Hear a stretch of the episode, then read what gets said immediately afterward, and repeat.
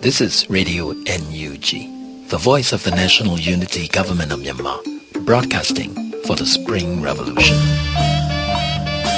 Radio NUG is transmitting from shortwave 16 meter, 17.710 megahertz daily at 8 a.m. and 8 p.m. Myanmar Standard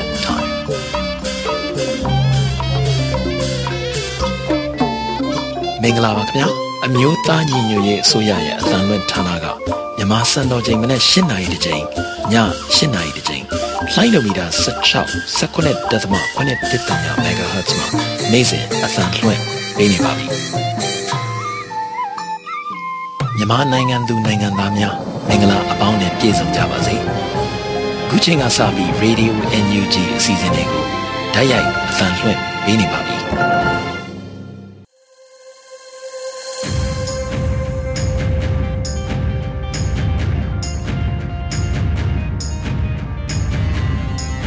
မြန်မာနိုင်ငံသူနိုင်ငံသားများတဘာဝဘေးစစ်အာဏာရှင်ပြည်တို့ကနေကင်းဝေးပြီးကိုယ်စိတ်နှပါကျမ်းမာလုံးကြကြပါစေလို့ရေဒီယို NUG အဖွဲ့သားများကဆုတောင်းမေတ္တာပို့သလိုက်ရပါတယ်။အခုချိန်ကစပြီးရေဒီယို NUG ရဲ့သတင်းများကိုတင်ဆက်ပေးတော့မှာဖြစ်ပါတယ်။ကျွန်တော်မင်းနိုင်တွေဦးပါ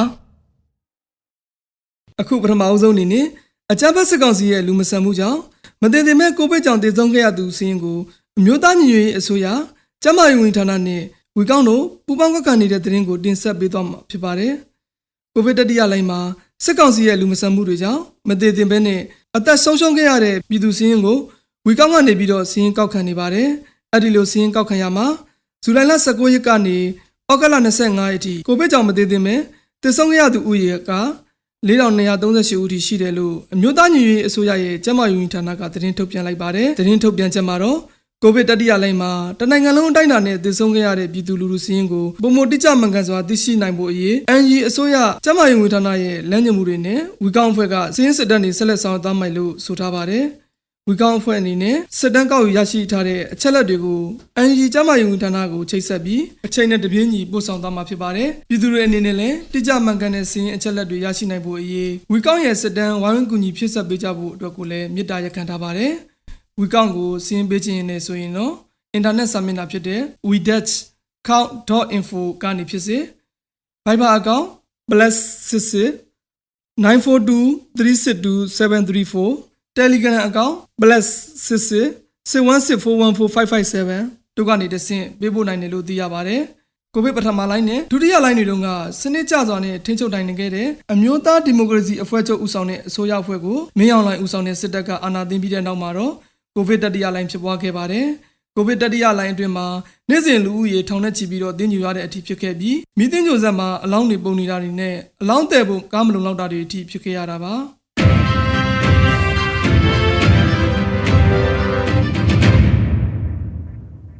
ဆက်လက်ပြီးယုံကြည်ရာချစ်တလန်တော်လန်ရစ်အတွက်9တန်းလှုပ်ရှားမှုမှာဒေါ်လာ9တန်းပြည့်မီကျော်လွန်အောင်လက်ခံရရှိခဲ့ပြီးဖြစ်တဲ့သတင်းကိုတင်ဆက်ပေးပါမယ်။မြို့သားညီညွတ်ရေးအစိုးရရဲ့ ကာကွယ်ရေးဝန်ကြီးဌာနအနေနဲ့တော်လန်ရေးအတွက်လိုအပ်နေတဲ့ရန်ပုံငွေတွေကိုရှာဖို့ယုံကြည်ရာချစ်တလန်တော်လန်ရေးအတွက်9တန်းဆိုတဲ့အစီအစဉ်ကိုလှုပ်ဆောင်ခဲ့ကြပါတယ်။အခုတော့အစီအစဉ်စတင်ပြီးနှစ်ပတ်တိတိပြည့်မြောက်တဲ့နေ့မှာမျှော်လင့်ထားတဲ့ဒေါ်လာ9တန်းထက်ပြည့်မီကျော်လွန်တဲ့အထိရရှိထားပြီးဖြစ်ပါတယ်။ဒီရန်ပုံငွေရှာဖွေပွဲကိုဩဂတ်လ28ရက်နေ့ည7နာရီတိတိမှာပိတ်သိမ်းမှာဖြစ်တယ်လို့သတင်းထုတ်ပြန်လိုက်ပါတယ်။ထုတ်ပြန်ချက်ထဲမှာတော့ကမ္ဘာတော်မှာရှိတဲ့ OFV official fundraiser တွေနဲ့ individual fundraiser တွေရဲ့အင်အားစိုက်ထုတ်မှုတွေကြောင့် campaign ဖြစ်လာမှုရဲ့အဓိကအရေးပါတဲ့အချက်ဆိုပြီးချီးကျူးဂုဏ်ပြုထားပါတယ်။ဒီလိုပါပဲမိမိတို့ချင်းနှဲစာတွေကိုလိုက်လိုက်လဲလဲယုံကြည်ကြည်လူတန်းကြတဲ့ကမ္ဘာတော်မှာရှိတဲ့အလူရှင်တွေအားလုံးကိုလည်းကျေးဇူးတင်ကြောင်းနဲ့သူတို့တွေကြောင့်သာအချိန်တိုအတွင်းမှာတော်လန်ရေးအတွက်ငါးတန်းပြည့်မီရတာဖြစ်ကြောင်းဆိုပါတယ်။ရန်ပုံငွေပွဲတွေစတင်ပြီးဆိုကြတဲ့ကလူမှုကွန်ရက်တွေမှာလူလူစိတ်ဝင်စားမှုရှိအောင်လှုံ့ဆော်ပေးကြတဲ့ပြည်တွင်းပြည်ပမှာနိုင်ငံခေါင်းဆောင်တွေပြည်သူချစ်တဲ့အမှုပညာရှင်တွေသတင်းမီဒီယာတွေ လူမှုကွန်ရက်ကထင်ပေါ်ကျော်ကြားသူတွေနဲ့အတူပြည်သူကနေပြည်သူစီကိုအချင်းချင်းသတင်းစကားပေးတိုက်တွန်းနှိုးဆော်မှုတွေကြောင့်ဒီရန်ပုံငွေပွဲကမြန်ဆန်ပြီးမြောက်ခဲ့တာပါထုတ်ပြန်ချက်ထဲမှာတော့မြစ်တက်လက်ဆောင်ပေးဖို့ဆရာထက်တန်စွာလှုပ်အားစိုက်ထုတ်ပကြီးရေးဆက်ပေးခဲ့ကြတယ်ဆရာကြီးဦးဝင်းဖေကိုမင်းကိုနိုင်အစိုးရကိုကြားပေါင်းနဲ့အတူအခြားဝါရင်အမှုပညာရှင်တွေကန်ဆယ်မဲဖောက်ဖို့ရအတွက်အဖို့တန်လက်ဝတ်ရတနာတွေနဲ့အမတ်တရားလက်ဆောင်ပစ္စည်းတွေထည့်သွင်းလူဒန်းကြတဲ့အလူရှင်တွေ ပတ်ပေါင်းစုံကနေမနာမနေကူညီခဲ့ကြတဲ့ဗီဒီယိုအက်ဒီတာတွေ graphic designer တွေ project manager တွေ OFP နဲ့ We Plus Syrian ဝိုင်းတော်သားတွေအားလုံးအပါအဝင်စီစဉ်သူတဦးတစ်ယောက်ချင်းစီရဲ့စ조사အားထုတ်မှုတွေကိုအတိအမှတ်ပြုကျေးဇူးတင်ကြောင်းဖော်ပြထားပါတယ်။အမျိုးသားညီညွတ်ရေးအစိုးရရဲ့ကာဝင်းဝင်ဌာနအနေနဲ့ဦးဆောင်ပြုလုပ်ခဲ့တဲ့ဒီရန်ပုံငွေပွဲရဲ့မြစ်တာလက်ဆောင်ကန်ဆယ်မဲ့ပေါက်မဲ့အစီအစဉ်ကိုစက်တင်ဘာလပထမပတ်ထဲမှာပြုလုပ်မှာပါ။ ကန်ဆယ်မဲ့လက်မှတ်တွေဖွင့်လှစ်ကြေညာမဲ့အစီအစဉ်ကို OFP ရဲ့ Facebook စာမျက်နှာတွေပေါ်မှာကြေညာပေးသွားပါလိမ့်မယ်။5 million ချစ်လက်ရန်ပုံငွေကစစ်အာဏာရှင်အမြင့်ပြတ်ချေမှုရေးအတွက်အရေးပါတဲ့ခြေတလန်းမှာဒီလိုယုံကြည်ရအတွက်ခြေတလန်းကနေပြီးတော့အကြမ်းဖက်စစ်ကောင်စီကြာဆုံးဖို့နဲ့အောင်ဝဲရတဲ့အထိတားသွေးရှောင်းလန်းကြဖို့လည်းတိုက်တွန်းထားပါတယ်။။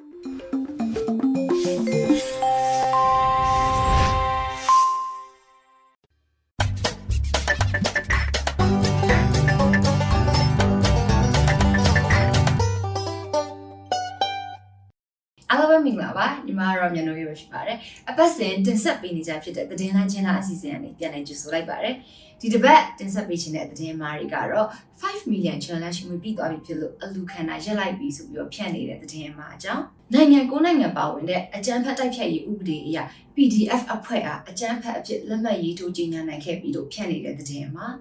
တရုတ်ဆောင်မင်းမကုံဦးစီးနေတဲ့ဘီလင်း PDF စကန်အသိခံရပြီဆိုပြီးဖြန့်နေတဲ့သတင်းအမှားအကြောင်းအရာနဲ့မန္တလေးမှာကြာဆုံးခဲ့တဲ့မဂျယ်စင်ကိုတနက်နဲ့ပြစ်တဲ့သူ၃ဦးကိုမိပြီဆိုပြီးမတ်လအတွင်းကဖြန့်ခဲ့တဲ့သတင်းအမှားကိုပဲဩဂတ်လရက်စွဲနဲ့ပြန်ဖြန့်နေတဲ့သတင်းအမှားအကြောင်းအရာတွေပဲဖြစ်ပါတယ်။အရင်ဆုံးပြပြပေးရှင်တဲ့သတင်းအမှားကတော့5 million refer ticket challenge ကိုအလူငွေပြည့်သွားပြီဆိုပြီးဖြန့်နေတဲ့သတင်းအမှားအကြောင်းအရာပဲဖြစ်ပါတယ်။သတင်းဖြန့်သူတွေကတော့ထုံးစံတိုင်းပဲຫນွေဦးတော်လန်ရေးကိုဖျက်လို့ဖျက်စီအာရုံအောင်လုပ်ဖို့အတွက် သူ့လူကိုဖက်သားအယောင်ဆောင်နေကြတဲ့စစ်ကောင်စီလက်ဝေခံနေပါပဲဒီသတင်းကိုအချက်လက်စစ်ဆေးမှုမရှိခဲ့ပဲအန်ယူဂျီကိုအားပေးထောက်ခံသူအချို့ကလည်းအမှန်တင်ပြီးတော့ပြန်လည်မျှဝေခဲ့ကြပါသေးတယ်ပြန်နိုင်ခဲ့တဲ့သတင်းမှအကြောင်းအရာကတော့5 million ပြည့်သွားပါပြီပြင်သစ်လက်နက်ဝယ်ပါပြီအလူခံလည်းပိတ်သွားပါပြီငွေလည်းပြည်သွားပါပြီပြင်သစ်က NUG လိုအပ်တာမဲ့သမျှပူပေါင်းပါဝင်ပါမည်ဟုကဘာတိကြီးညာထားပြီးသားပါ credit ဆိုပြီးဖြန့်ခဲ့တာပဲဖြစ်ပါတယ် ဒီသတင်းကိုအချက်လက်စစ်စစ်ကြည့်လိုက်တဲ့အခါမှာတော့5 million refer ticket challenge ကိုဦးဆောင်ပြီးတော့ရန်ပုံငွေရှာဖွေနေတဲ့ CRPH OFP fundraising program ရဲ့ Facebook စာမျက်နှာမှာလည်းအလူငွေပြည့်သွားပြီဆိုတဲ့အကြောင်းကိုလုံးဝကြေညာထားခြင်းမရှိသေးသလိုအလူဆက်ခံနေတာကိုလည်းတွေ့ရှိရပါတယ်။ဒါအပြင် NUG အစိုးရဘက်ကလည်းအလူငွေပြည့်သွားပြီဆိုတာမျိုးကိုအများပြည်သူသိရှိအောင်လို့ထုတ်ပြန်ကြေညာထားတာမျိုးလုံးဝမတွေ့ရှိရပါဘူးရှင်။အလူခံတယ်ဆိုတာအလူခံပုဂ္ဂိုလ်အဖွဲ့အစည်းပေါ်ယုံကြည်မှု စေတနာကိုအခြေခံပြီးလူကြတန်းကြတာပါအချို့အချို့တွေကြတော့လေ TV ဖန်သားပြုံမှာ uniform ကြီးမှာအာမနာလူကြပါခမားလို့ပြောတာတော့မှတနိုင်ငံလုံးပေါင်းမှာအလူငွေတသိန်းတော့မပြရှာပါဘူးပြည်သူတွေယုံကြည်မှုနဲ့စေတနာတွေပေါ့လေအော်သူတို့စီသာမလူကြတာ NUG အစိုးရစီကိုအလူငွေတတ်တော့လဲဝင်နေရအောင်တွေ့ရတဲ့အခါမျိုးမှာတော့မနာလူစိတ်ကြီးတဲ့အဘာလို့ရက်ွက်ကလူတွေကဒီလိုမျိုးသတင်းမားတွေဖြန့်နေတာစမ်းတော့မစမ်းပါဘူးလေ ဒါကြောင့်အင်တာနက်ပေါ်မှာပြန့်နှံ့နေတဲ့5 million refer ticket challenge ကိုအလူငွေပြည့်သွားပြီဆိုတဲ့သတင်းဟာဂျင်းသတင်းပဲဖြစ်ပါတယ်ရှင်။အင်တာနက်ပေါ်မှာပြန့်နှံ့နေတဲ့သတင်းတွေထဲမှာ CRD credit ဆိုတဲ့စကားလုံးမျိုးပါဝင်ပြီးမူရင်းအရင်အမြတ်မသိချတဲ့သတင်းမျိုးဆိုပြီးတန်တရားတာစစ်ဆေးပြီးမှယုံကြည်တဲ့လို့အလင်းစလို့ share တာမျိုးမလုပ်ဖို့အတွက်ကိုလည်းတိုက်တွန်းချင်ပါတယ်။အရင်ဆုံးစစ်ဆေးရမှာကသတင်းကိုတင်တဲ့အကောင့်ဒါမှမဟုတ် page ကယုံကြည်စိတ်ချရရဲ့လား ဒီသတင်းကိုရောယုံကြည်စိတ်ချရတဲ့သတင်းမီဒီယာဌာနတွေမှာဖော်ပြထားခြင်းရှိလားဆိုတာကိုသိချတိုက်စစ်ပြီးမှယုံကြည်ဖို့ကိုလည်းအကြံပေးချင်ပါတယ်။ဒုတိယမြောက်ပြပြပေးခြင်းတဲ့သတင်းမှာတော့နိုင်ငံကိုနိုင်ငံပါဝင်တဲ့အကြမ်းဖက်တိုက်ဖျက်ရေးဥပဒေအရ PDF အားအကြမ်းဖက်အဖြစ်လက်မှတ်ရေးထိုးကြေညာနိုင်ခဲ့တယ်ဆိုပြီးဖြန့်နေတဲ့သတင်းမှာအကြောင်းအရာပဲဖြစ်ပါတယ်။အဲ့ဒီသတင်းအမှားကိုအကြမ်းဖက်စစ်ကောင်စီကိုအားပေးထောက်ခံနေတဲ့အကောင့်တွေကပဲဖြန့်နေတာဖြစ်ပြီးတော့နိုင်ငံကိုနိုင်ငံပါဝင်တဲ့အကြမ်းဖက်တိုက်ဖျက်ရေးဥပဒေအရ PDF အဖွဲ့အားအကြမ်းဖက်အဖြစ်လက်မှတ်ရေးထိုးသဘောတူပြီးဖြစ်ပါသဖြင့်အာဆီယံအကြမ်းဖက်ဥပဒေနဲ့ပါထပ်မံညှိစွန်းခဲ့ပြီး၎င်းအကြမ်းဖက်များအားရှာဖွေဖမ်းဆီးရန်ဝရန်အမိန့်ကိုမြန်မာနိုင်ငံနိုင်ငံတော်ဝန်ကြီးချုပ်ကလက်မှတ်ရေးထိုးပေးပို့ခဲ့ပါပြီဆိုတဲ့စာသားတွေနဲ့အတူရေးသားဖြန့်ဝေခဲ့ကြတာပဲဖြစ်ပါတယ်။ ဒီသတင်းကိုအချက်လက်စစ်စစ်ကြည့်လိုက်တဲ့အခါမှာတော့ PDF အဖွဲ့ကိုအကြမ်းဖက်အဖွဲ့အဖြစ်ဘယ်နိုင်ငံကမှသဘောတူလက်မှတ်ရေးထိုးပြီးကြေညာထားခြင်းမရှိသလိုအာဆီယံကလည်းကြေညာတာမျိုးလုံးဝမရှိပါဘူး။ဒီသတင်းနဲ့ပတ်သက်ပြီးသတင်းမီဒီယာလုပ်ငန်းစဉ်အတိုင်းကျင့်ဝတ်ရှိတဲ့သတင်းမီဒီယာဌာနတွေမှာလည်းဖော်ပြထားခြင်းမျိုးမရှိပါဘူး။ဒါကြောင့်အကြမ်းဖက်စစ်ကောင်စီကိုအားပေးထောက်ခံတဲ့အကောင့်တွေကတင်နေကြတဲ့ဒီသတင်းကဂျင်းသတင်းမဖြစ်ကြောင်းကိုအားလုံးကိုသိပေးချင်ပါတယ်။ အကြမ်းဖက်စစ်ကောင်စီကအင်တာနက်ပေါ်မှာတဲ့သတင်းအမှားတွေနဲ့ဝါဒဖြန့်နေရမျိုးမဟုတ်တော့ပါဘူးအခုဆိုရင်သူတို့ရဲ့နောက်ဆုံးပေါ်နည်းပညာ LDT နည်းပညာကိုအသုံးပြုလာကြပြီပဲဖြစ်ပါတယ် LDT ဆိုတာကတော့တခြားတော့မဟုတ်ပါဘူး PDF တွေကိုလက်နက်တွေချဖို့လက်နက်တွေအပ်ဖို့စစ်ကားပေါ်မှာလော်တင်ပြီးလိုက်လံအော်ဟစ်ကြီးညာနေကြသလိုဓာတ်တိုင်တွေမှာလည်းလက်ကမ်းစာဆောင်တွေကပ်ပြီးတော့ဝါရဖြတ်နေကြတာကိုအားလုံးလည်းမြင်ကြကြကြမှထင်ပါတယ်။ဒါကြောင့်လော်နဲ့အော်မယ် ဓာတ်တိုင်စာကပ်မယ်ဆိုတဲ့စစ်ကောင်စီရွှေညံတော်စုရောက်တည်းရဲ့နောက်ဆုံးပေါ်လော်ဓာတ်တိုင်မီဒီယာစနစ် LDT နီးပညာရဲ့လို့ပဲကင်ပွန်တက်ပြီးလိုက်ချင်ပါတော့တယ်ရှင်။ကြကြမှပြောပြပေးခြင်းတဲ့တဲ့မှာတော့တရုတ်ဆောင်မင်းမုံကွန်ဦးစီးနေတဲ့ Billion PDF စကန်အသိမ်းခံရတယ်ဆိုပြီးဖြတ်နေတဲ့တဲ့မှာအကြောင်းအရာပဲဖြစ်ပါတယ်။ အဲ့ဒီသတင်းမှာကိုလည်းအကြံပတ်စစ်ကောင်စီကိုအားပေးထောက်ခံနေတဲ့အကောင့်တွေကပဲတင်ခဲ့တာဖြစ်ပါတယ်။အချက်လက်စစ်စစ်ကြည့်လိုက်တဲ့အခါမှာလည်းတရုတ်ဆောင်မင်းမုံကွန်ဟာ Billion PDF ကိုဦးစီးနေတယ်ဆိုတဲ့အချက်လက်ကလည်းမှားယွင်းတဲ့အချက်လက်ဖြစ်တယ်လို့ပြန့်နှံ့နေတဲ့ပုံတွေကလည်း August 17ရက်နေ့က KNU ကရင်မျိုးသားအစည်းအရုံးတထုံခရိုင်ရဲ့မော်စကိုမြို့နယ်ရုံးကိုအကြမ်းဖက်စစ်တပ်ကဝင်ရောက်စီးနင်းခဲ့တဲ့ဖြစ်စဉ်ကပုံတွေဖြစ်တယ်လို့သိရပါတယ်။ KIC သတင်းဌာနရဲ့သတင်းတပုတ်ထဲမှာလည်းမော်စကိုမြို့နယ်ရုံးတင်စီခံရတဲ့သတင်းကိုဖော်ပြထားပါတယ်။မော်စကိုမြို့နယ်ရုံးဟာပေါင်မြို့နယ်တဲအိမ်ရွာနဲ့ကတိုက်ရွာကြားတွင်ရှိပြီးတော့ရုံးမှတာဝန်ကျတဲ့ရဲဘော်အချို့က၎င်းတို့ရဲ့တပ်မဟာမူစာပနတွားရောက်နေချိန်မှာအကြမ်းဖက်စစ်ကောင်စီတပ်ကရုံးကိုဝင်ရောက်တိုက်ခိုက်သိမ်းယူသွားပြီးစခန်းမှာရှိနေတဲ့၃ဦးကိုလည်းဖမ်းဆီးခေါ်ဆောင်သွားတာဖြစ်တယ်လို့ KNU တထုံခရိုင်အတွင်းရေးမှူးဘဒူစောစုမြင့်က KIC သတင်းဌာနထဲမှာဖြေဆိုထားတာကိုတွေ့ရှိရပါတယ်။ ဒါကြောင့်အင်တာနက်ပေါ်မှာပြန့်နှံ့နေတဲ့တရုတ်ဆောင်မင်းမုံကုံဦးစီးတဲ့ Billion PDF စကန်အသိမ်းခံရတယ်ဆိုတဲ့သတင်းကသတင်းမှာပဲဖြစ်ပါတယ်ရှင်။ပြီးတော့အဲ့ဒီသတင်းအမမှာအသုံးပြုထားတဲ့ပုံတွေကလည်း August 17ရက်နေ့က KNU ကရင်မျိုးသားအစည်းအရုံးတထုံခရိုင်ရဲ့မော်စကိုမြို့နယ်ရုံးကိုအကြမ်းဖက်စစ်တပ်ကဝင်ရောက်စီးနင်းခဲ့တဲ့ဖြစ်စဉ်ကပုံတွေဖြစ်တယ်ဆိုတာကိုအသိပေးချင်ပါတယ်။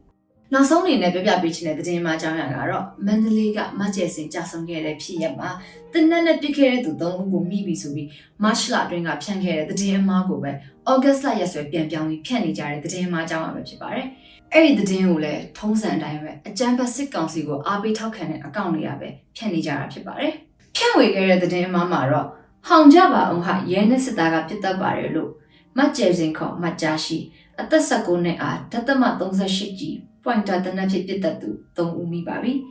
တစ်ကိုမင်းစင်နှစ်ကိုမိုးသွေးသုံးကိုအောင်တင်တို့ဖြစ်ပါသည်ဘလို့ထဟောင်အောင်မလဲရင်ထဲပေါ်သွားအောင်ပြောကြည့်လိုက် credit စတဲ့စာသားတွေနဲ့အတူ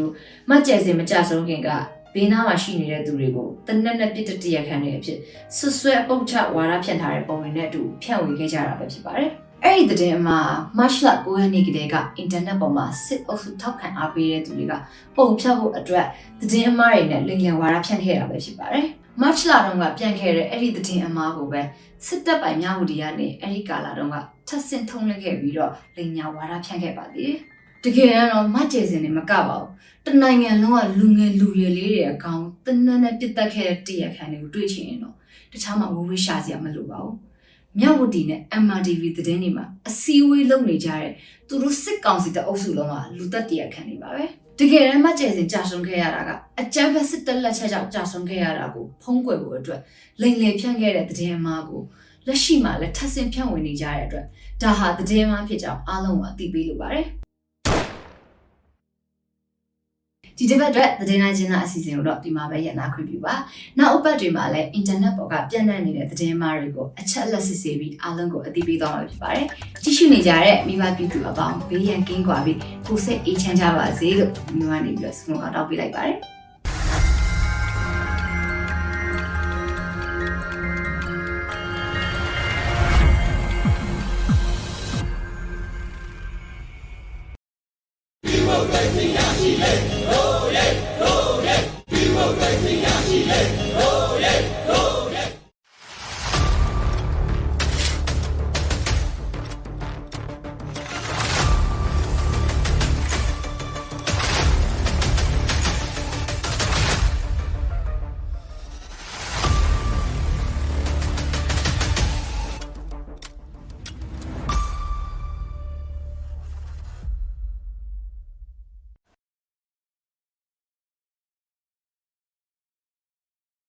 မင်္ဂလာပါကျွန်တော်ဒေါက်တာတင်ထွန်းလတ်ပါ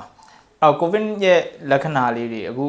လူတွေကအများကြီးသိကျင်နေကြတယ်ကိုဗစ်ကပါလဲကိုဗစ်ကဘယ်လိုလက္ခဏာပြလဲပေါ့နော်ကိုဗစ်လက္ခဏာဘာတွေပြလဲအဓိကတော့ဖျားပါတယ်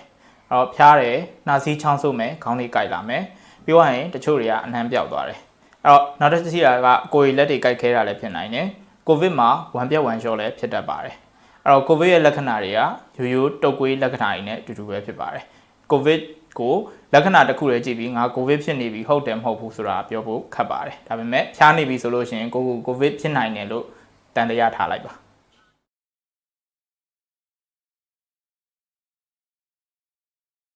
အဲ့တော့ကိုဗစ်ကိုအခုကာလမှာဆေးရုံသွားဖို့အဆင်မပြေဘူးအဲ့ဆိုအိမ်မှာစောင့်ရှောက်မယ်အိမ်မှာစောင့်ရှောက်ရင်ဘယ်ချက်တွေကိုအဓိကကြီးစားရမလဲအဲ့တော့ကိုဗစ်လူနာတယောက်ကအသက်ရှူကျက်လာတယ်မောလာတယ်နောက်နှာခမ်းတွေပြလာတယ်လက်တွေခြေတွေပြလာတယ် လက်ဖွားခြေဖွားတွေကလက်မောင်းတွေအေးဆက်လာတယ်အဲ့ဒါဆိုလို့ရှိရင်တော့အရေးကြီးပါတယ်အဲ့လိုလူနာမျိုးဆိုလို့ရှိရင်တော့အိမ်မှာကိုတယောက်တည်းကိုယ်စိတ်ကူးနဲ့ကိုကြိုက်တယ်လို့မလုပ်ပါနဲ့သက်ဆိုင်ရာကျွမ်းကျင်တဲ့တမားတော်တွေစီကိုဆက်သွယ်ဆောင်စမ်းပြီးတော့ဘယ်လိုဆက်ပြီးတော့ကုသမှုပေးရမလဲဆိုတာကိုမေးမြန်းပါအရေးကြီးပါတယ်နှာခမ်းတွေပြလာပြီးလက်တွေပြလာပြီးဆိုတာအောက်ဆီဂျင်နည်းနေပြီလူနာသည်အောက်ဆီဂျင်ပြတ်လက်သွားပြီလို့ပြောတဲ့လက္ခဏာပါတော်တော်ကြီးကိုအရေးကြီးတဲ့အတွက်ကြောင့်မလို့အဲ့အချက်တွေရှိမရှိကိုစောင့်ကြည့်ပါရှိတာနဲ့ချက်ချင်း သက်ဆိုင်ရာဆရာဝန်တွေထူးကူတွေစီကိုဆက်သွယ်ပြီးတော့မေးမြန်းပါနောက်တစ်ချက်ကကြတော့အသက်ရှူကျက်တာမောတာအဲ့နှစ်ခုကိုတေချာကြီးစိုက်ကြည့်ပေးပါ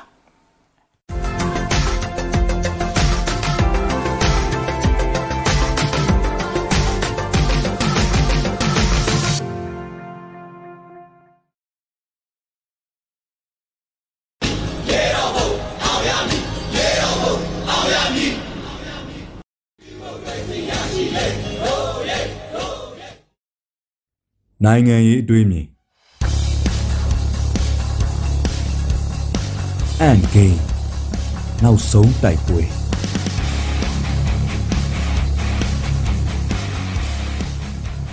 ဒေါအောင်ဆန်းစုကြည်ပြောနေကြစကားလေးတစ်ခုအမြဲတမ်းအမှတ်ရနေမိတယ်လောကမှာတော်တဲ့သူရဲ့ညံ့တဲ့သူရဲ့လို့ဆိုတာတဲ့စားလို့ရှိရင်သင်လို့ရတဲ့သူနဲ့သင်မှုခတ်တဲ့သူပဲရှိတာပါတယ်လေအဲဒါတွေဟာလူတွေအတွက်တော့ တင့်တော်တဲ့အသုံးနှုန်းလေးပါပဲဘာလို့လဲဆိုတော့သင်လို့ရတဲ့သူကိုစူးစမ်းပြီးသင်မိလိုက်လို့ရှိရင်သူကလည်းစူးစမ်းပြီးသင်ယူမယ်ဆိုလို့ရှိရင်အဲတစ်ချိန်ချိန်မှာတော့တက်မြောက်သွားမှာပဲလေသင်လို့မရတဲ့သူဆိုတာကတော့ဘယ်လိုပဲသင်ပေးသင်ပေးသူ့ဘက်ကလည်းစူးစမ်းအားထုတ်မှုမရှိဘူးဆိုရင်ဘယ်လိုပဲပုံပဲနီးနေမှသင်လို့ရမှာမဟုတ်ပါဘူးဒေါအောင်ဆန်းစုကြည်ကလည်းစစ်ကောင်းဆောင်တွေကိုသူတက်နိုင်တဲ့လောက်စူးစမ်းပြီးသင်ပေးခဲ့ရှာပါတယ်အကြမ်းမဖက်တဲ့အနုနီးနဲ့နှစ်ပေါင်းများစွာအာနာဖီဆန်ပြီးတော့ဆန့်ကျင်ပြခဲ့တယ် ပြီးတော့သူမရဲ့မဆုံးမနစ်စူးစမ်းမှုကြောင့်နိုင်ငံရေးလမ်းကြောင်းပေါ်ကိုရောက်လာခဲ့ပြီးပြည်သူလူထုထောက်ခံအားပေးမှုနဲ့နိုင်ငံအုပ်ချုပ်ရေးလမ်းကြောင်းပေါ်ကိုရောက်လာခဲ့တာတော့မှသူမကအမျိုးသားရင်ကြားစစ်ရေးဆိုတာနဲ့ထပ်ပြီးတော့သင်ပေးခဲ့ပြန်ပါသေးတယ်အေးဒါပေမဲ့ဘယ်လိုသင်သင်မတက်တာခက်နေတယ်မတက်တာပဲလားညံမမမီတာပဲလားတက်ရဲ့သားနဲ့ပူဂျိုးစည်းဝါးထိလို့မတက်ကြင်အောင်ဆောင်တာလားအဲ့လိုပေါ့နော်စစ်ကောင်းဆောင်တွေကသူတို့ရဲ့အကျိုးစီးပွားတစ်ခုတည်းကိုကြည့်ပြီးတော့တိုင်းပြည်ကိုရောစစ်တပ်ကိုရော ပြည်သူလူထုကိုရောခြာနှင်းခဲ့ကြတာပါတကယ်တော့ကျုပ်တို့ပြည်သူတွေကစစ်ကိုမုံလုံးလို့တိုက်ခဲ့ရတာပါစစ်ဆိုတာကိုမုံလို့စစ်ပွဲဆိုတာကိုမုံကြလို့ဒေါအောင်ဆန်းစုကြည်တို့အစိုးရဖွဲ့ဟာစစ်တပ်နဲ့အပြိုင်နိုင်ငံအုပ်ချုပ်ရေးလမ်းကြောင်းပေါ်မှာရှိနေခဲ့တဲ့အချိန်မှတော့မှအမျိုးသားရင်ကြားစစ်ရေးနဲ့စစ်တပ်ကိုတင် जा ဖြောင်းမြလို့ရခဲ့မှာပဲလို့အမြင်ရှိခဲ့ကြပြီးတော့ရခိုင်ကိစ္စဖြစ်တာကိုတော့မလိုလားခဲ့ကြပါဘူး အမှန်တမ်းပြောရရင်အဲ့ဒီကိစ္စထားဖြစ်တာတော့ဘလို့ထားဖြစ်တာလဲဆိုပြီးတော့တွေးမိကြပါသေးတယ်21ရာစုပင်လုံညီလာခံနေနဲ့ငင်းငင်းရင်းယူပြီးတော့နိုင်ငံရေးနီလန်းနဲ့ဘာကြောင့်မကြိုးစားပဲနဲ့စစ်တိုင်နေရသလဲဆိုပြီးတော့ကျွန်တော်တို့တွေအားလုံးပူတော်တောခဲ့ကြတယ်မလားအမှန်တမ်းပြောရရင်ဒါတွေအားလုံးဟာစစ်ကိုမုန်းလို့ဖြစ်ခဲ့ကြတာပါတက်နိုင်ဗျာဘယ်စစ်ပွဲကိုမှမဖြစ်စေချင်ဘူးတကယ်တမ်းစစ်ဖြစ်ကြပြီဟေ့ဆိုရင်တိုက်ကြတဲ့သူတွေလည်းနားသလိုစစ်ပွဲဖြစ်ရာနေရာဒေသကပြည်သူတွေလည်း နာကြပါတယ်တိုင်းပြည်လည်းနားသလိုဒီစစ်ပွဲတွေရဲ့နောက်ဆက်တွဲပြဿနာမျိုးစုံတွေလည်းကြုံတွေ့ခံစားကြရမှာပါဒါကြောင့်စစ်ကူမုန်းကြတယ်ဆိုတာသိကြပါတယ်2021ခုနှစ်ဇန်နဝါရီလ31ရက်နေ့ထိပြည်သူတွေဟာအေးအေးဆေးဆေးပါပဲဗျာဒေါအောင်ဆန်းစုကြည်တို့ NLD ပါတီအနိုင်ရပြီးတော့စစ်တပ်ကိုဆက်လက်ဖြောင်းမြတင်ကြားလို့ရအောင်မယ်လို့အထင်ရှိခဲ့ကြပြီးအားလုံးကစိတ်အေးလက်အေးပါပဲအဲသူတို့ရေးဆွဲခဲ့တဲ့2008ခြေဥရ ကာချုပ်အစ်စ်ခန့်အပ်ဖို့ကိစ္စတွေကနေအပေးအယူတွေလုံရင်းနဲ့2008ခြေဥကိုပြင်ဆင်နိုင်ပြီးတော့နိုင်ငံရေးကနေစစ်တပ်ကိုတစားတစားဆွဲထုတ်သွားလို့ရခဲ့မယ်လို့အထင်ရှိနေခဲ့ကြတာပါပဲလွတ်တော်ကိုယ်စားလှယ်ကြီးတွေတင်သွင်းခဲ့တဲ့2008ခြေဥပြင်ဆင်ရေးအချက်လက်တွေထဲမှာစစ်တပ်ရဲ့ဆွဲခန့်ကူစလေပါဝင်မှုကိုတော့မှပထမ9နှစ်မှာနည်းနည်းလျှော့ဒုတိယ9နှစ်မှာနည်းနည်းထက်လျှော့တတိယ9နှစ်မှာနည်းနည်းနည်းနည်းထက်လျှော့နဲ့နည်းနည်းချင်းစီအလျှော့ပေးခိုင်းပြီးတော့ နှစ်ပေါင်းအစိတ်လောက်အထိတော့မှအချိန်ပေးခဲ့ကြတာမျိုးပါအဲဒါပေမဲ့တင်လို့မရတဲ့ကောင်တွေကဘယ်လိုပဲပုံနဲ့မှတင်လို့ကိုမရနိုင်တဲ့ကောင်မျိုးပါဖေဖော်ဝါရီလ၁ရက်နေ့မှာဒေါအောင်ဆန်းစုကြည်နဲ့နိုင်ငံရေးခေါင်းဆောင်တွေကိုဖမ်းဆီးပြီးတော့စစ်တပ်ကအာဏာသိမ်းတယ်အဲ့ဒီခါမှာပြည်သူတွေကလမ်းပေါ်ထွက်ပြီးတော့အတ်တူတစ်ချောင်းတော်မကင်မဲနဲ့ဆန္ဒပြဟစ်ကြွေးခဲ့ကြပါတယ်လူစုလူဝေးအများဆုံးတန်းမောင်းများစွာပါဝင်တဲ့အထိမြို့ပေါင်းများစွာကနေဆန္ဒပြခဲ့ကြပါတယ်အဲ လူလူဆန္ဒပြပွဲတွေမှာလက်နက်ပါပြီးတော့ရည်ရွယ်ချက်ရှိရှိအပြတ်မောက်လုပ်ရတွေလုပ်တာဆိုလို့စစ်တပ်ကိုထောက်ခံအားပေးတဲ့သူတွေမျိုးသားရေးသမားတွေမဘာသာဆိုတဲ့သူတွေအဲအဲ့ဒီလူတွေယာကနန်းလောက်တွေရဲ့တံပြန်ဆန္ဒပြပွဲတွေမှာသာဒုတ်တွေဓားတွေလက်နက်တွေကင်ဆောင်ပြီးတော့ဆန္ဒပြခဲ့ကြတာကိုအားလုံးလည်းအသိပါပဲဒါတော့ပြည်သူတွေကအဲ့ဓာတွေကိုဘာမှမတုံ့ပြန်ခဲ့ဘဲနဲ့ဒီအတိုင်းပဲငြိမ်းချမ်းစွာကိုယ်ဆန္ဒကိုကိုဖော်ထုတ်ခဲ့ကြတာပါဒါပေမဲ့ဒီလိုမျိုးအနုနီးနဲ့တခြင်းတွေဆို ကြွေးကြော်တန်းတွေဟစ်ကြွေးနေတဲ့ပြည်သူတွေကိုတနက်တွေနဲ့ပစ်ပြီးတော့ဒုတ်တွေနဲ့ရိုက်နှက်တပ်ဖြတ်ခဲ့ကြတော့ပြည်သူတွေဘက်ကလည်း defense line ဆိုပြီးတော့မိမိကိုယ်ကိုမိမိကာကွယ်တာဆိုတဲ့အဆင့်ကိုတက်ခဲ့ကြရပါတယ်ဒါတော့မှဒီအဆင့်မှာဒုတ်ဓာလက်နက်ကင်ဆောင်တာမဟုတ်ဘဲနဲ့ကြည်နဲ့ပြစ်တာကိုတတ်တာရရဖို့ရမှာဒိုင်းနဲ့ကာဖို့အတွက်လောက်အဲဒိုင်းတွေကင်ပြီးတော့မျက်ရည်ယိုပုံအပြစ်ခံရရင်ခန္ဓာရည်ရှိအောင်ရေအိတ်တွေကင်ခဲ့တာပဲရှိကြပါတယ်ဒီထက်နည်းနည်းပူတာဆိုလို့လေးကွာနဲ့ မီးရှူမီးပန်းတွေကိုကင်ဆောင်ပစ်ခတ်ခဲ့တာပဲရှိခဲ့ပါတယ်အဲဒါပေမဲ့လေအဲ့ဒီချိန်မှာစစ်ကောင်းဆောင်နဲ့စစ်တပ်ကပြည်သူတွေရဲ့ဥကောင်းကိုချိန်ပြီးတော့ပစ်တယ်ဟမ်ဒီနေ့ဖမ်းသွားပြီးတော့နောက်နေ့အလောင်းပြန်လာယူခိုင်းတယ်လမ်းမှာသူ့အတူသွာလာနေတဲ့ပြည်သူတွေကိုလည်းဆိုင်ဆိုင်မဆိုင်ဆိုင်ပြစ်တက်ပြခဲ့တယ်ဒီတော့ဘလို့ပဲလက်ပေးလက်ပေးဆိုပြီးတင်တင်တင်လို့မရတဲ့စစ်ကောင်းဆောင်နဲ့စစ်တပ်ကိုတုံ့ပြန်နိုင်ဖို့အတွက်ကြုတ်တူပြည်သူတွေကစစ်ပွဲကိုပဲရွေးချယ်ခဲ့ရတာပေါ့ အိမ်ထဲမှာအေယာကွန်နဲ့နေဂိမ်းလေးစော်ပြီးတော့ထမင်းစားမယ်ဆိုရင်အဖေမေကခူးခတ်ပြီးတော့အစင်းသင်းလုပ်ပြီးထားတာစားပြီးစားခဲ့တဲ့ပကံကိုစပွဲမှာဒီတိုင်းထားခဲ့ကြတဲ့ဘဝမျိုးနဲ့လူငယ်လေးတွေနောက်ပြီးကုဒူးကုချွန်းကိုပညာရက်နဲ့ကိုရက်တီအသက်မွေးနေတဲ့လူငယ်တွေဟာတိုင်းရင်းသားလက်နက်ကင်တပ်ဖွဲ့တွေအခြေစိုက်တီးရှိရာတော်ရဲတောင်ထဲတွေထိသွားပြီးတော့ဘာမှမရှိရင်တော့မှခမင်းနဲ့ငပိရီလဲစားနိုင်တွေချီပြီးတော့လမ်းတွေလျှောက်လေ့ကျင့်မိုးတွေတစည်းစည်းရွာနေပြီးတော့စိုးစိုးစည်းစည်းဖြစ်နေတဲ့အနေအထားနဲ့ နှစ်ပြားယောဂါတွေကိုကြမ်းကြမ်းခံကြပြီးတော့စစ်ပညာတွေသင်ယူခဲ့ကြတယ်လေအခုဆိုရင်လူငယ်လေးတွေကစစ်ပွဲအတွက်အသင့်ဖြစ်နေကြပါပြီစစ်ပညာသင်ယူပြီးတော့မြို့ပေါ်ပြန်လာကြတဲ့လူငယ်တွေကလည်းစစ်ခွေးနဲ့ဒလန်တွေကိုတဖြုတ်ဖြုတ်ခြွေပြနေကြပါပြီမကြခင်မှာစစ်ပွဲတွေဖြစ်လာကြပါတော့မယ်စစ်ကူမုန်းတဲ့ပြည်သူတွေကစစ်ပွဲတွေထပ်မဖြစ်လာစေဖို့ဆုံးသက်စစ်ပွဲကိုတိုက်ရပါတော့မယ်မြန်မာပြည်မှာတနက်ကင်ပြီးတော့တမျိုးသားလုံးနဲ့ရံပတ်ဖြစ်နေတဲ့ အကြမ်းဖက်စစ်ခွေးတက်မတော်အမြင့်ဖြတ်မှသာလျှင်တမြင့်မြင့်နဲ့လောင်ကျွမ်းနေတဲ့ပြည်တွင်းစစ်မီးကိုလည်းအပြစ်သက်နှိမ့်သက်နိုင်မယ်လို့ယူဆရပါတယ်။ဒုတ်ဒုတ်ချင်းဒါဒါချင်းပြောမှပဲနားလည်နိုင်မဲ့ကောင်တွေမှုဒီလိုပဲလုပ်ရတော့မှာပါပဲ။တချို့တရိတ်ဆန်ကောင်တွေကပြောယုံနဲ့မသိရိုက်မှန်သိတယ်မဟုတ်ပါလား။အဲဒါကြောင့်မို့လို့ဒီစစ်ပွဲဟာပြည်သူတွေကမရွေးချယ်ခြင်းပဲရွေးချယ်ခဲ့ရတဲ့စစ်ပွဲပါပဲ။အရင်ကတော့စစ်ပွဲတွေရက်အဆိုပြီးအခုကျတော့ တိုက်ကိုတိုက်ရမယ်ဆိုပြီးဘာလို့စစ်ကိုကြိုကျင်နေကြတာလဲဆိုတဲ့သူတွေလည်းဒီလောက်ဆိုရင်နားလေသဘောပေါက်နိုင်မှာပါ။ဘာလဲဆိုတော့နှုတ်နီးနဲ့ပြောလို့မရမှာတော့လိုအပ်တဲ့နီးကိုသုံးရတော့မှာပေါ့။ဒီတော့တရားသောစစ်ပွဲနိုင်ရမည်။အရေးတော်ပုံအောင်တော့မည်။ကျွန်တော်ຫນွေလင်းဟန်ပါ။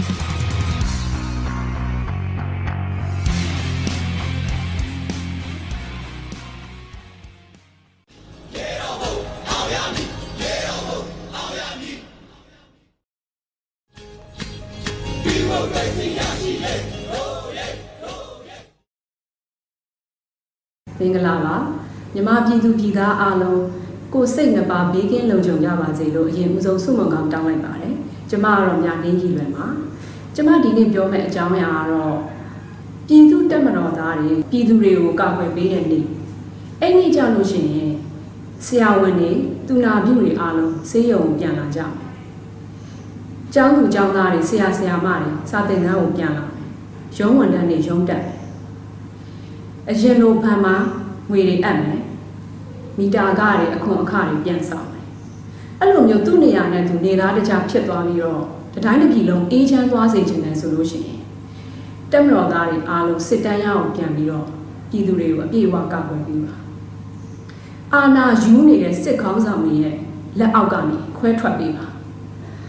သူတို့နဲ့လမ်းခွဲပါအဲ့ဒါဆိုလို့ရှိရင်တတိုင်းတစ်ပြည်လုံးအေးချမ်းသွားပါလိမ့်မယ် ပြည်သူတွေရဲ့ကောင်းချီးပေးခြင်းကိုလည်းခံရပါလိမ့်မယ်အာနာယူနေတဲ့စစ်ကောင်းဆောင်တစ်တိုက်ကတော့သူတို့အာနာယူတာကိုဖုံးပြဖို့အတွက်လက်နက်အားကိုနဲ့ဟိုလူအပြစ်ဖို့ဒီလူအပြစ်ဖို့ဟိုလူကိုဖန်ဒီလူတတ်နေမတရားတာတွေကိုသူတို့အတွက်တရားသလိုလိုမျိုးနဲ့ရာဇဝတ်မှုတွေကိုထပ်ပြီးတော့ကျူးလွန်နေအောင်ပါ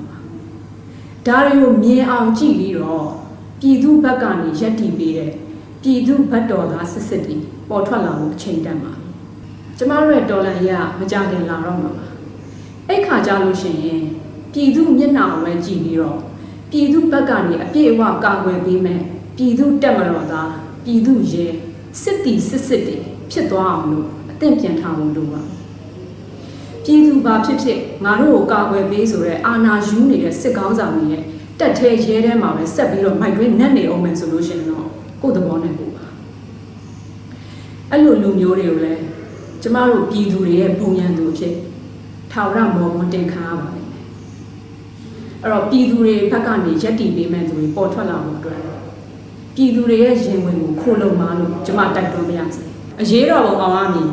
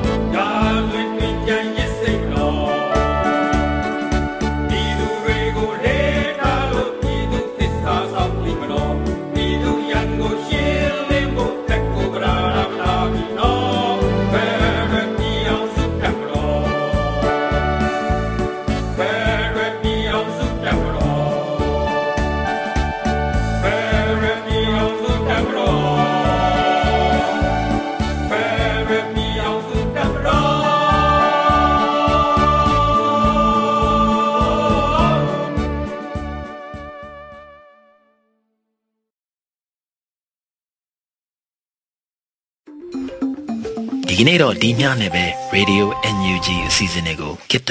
ရန်နာလိုက်ပါမယ်မြန်မာစံတော်ချိန်မနေ့၈နာရီ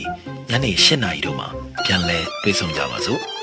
လိုင်းဒိုမီတာ16 19တက်သမ9တက်3ည MHz မှာဖမ်းယူနားဆင်နိုင်ပါတယ်မြန်မာနိုင်ငံသူနိုင်ငံသားများကိုယ်စိတ်နှပြချမ်းမာချမ်းသာလို့ဘေးကင်းလုံခြုံကြပါစေလို့ Radio NUG အဖွဲ့သူအဖွဲ့သားများဆုတောင်းပေးလိုက်ပါတယ်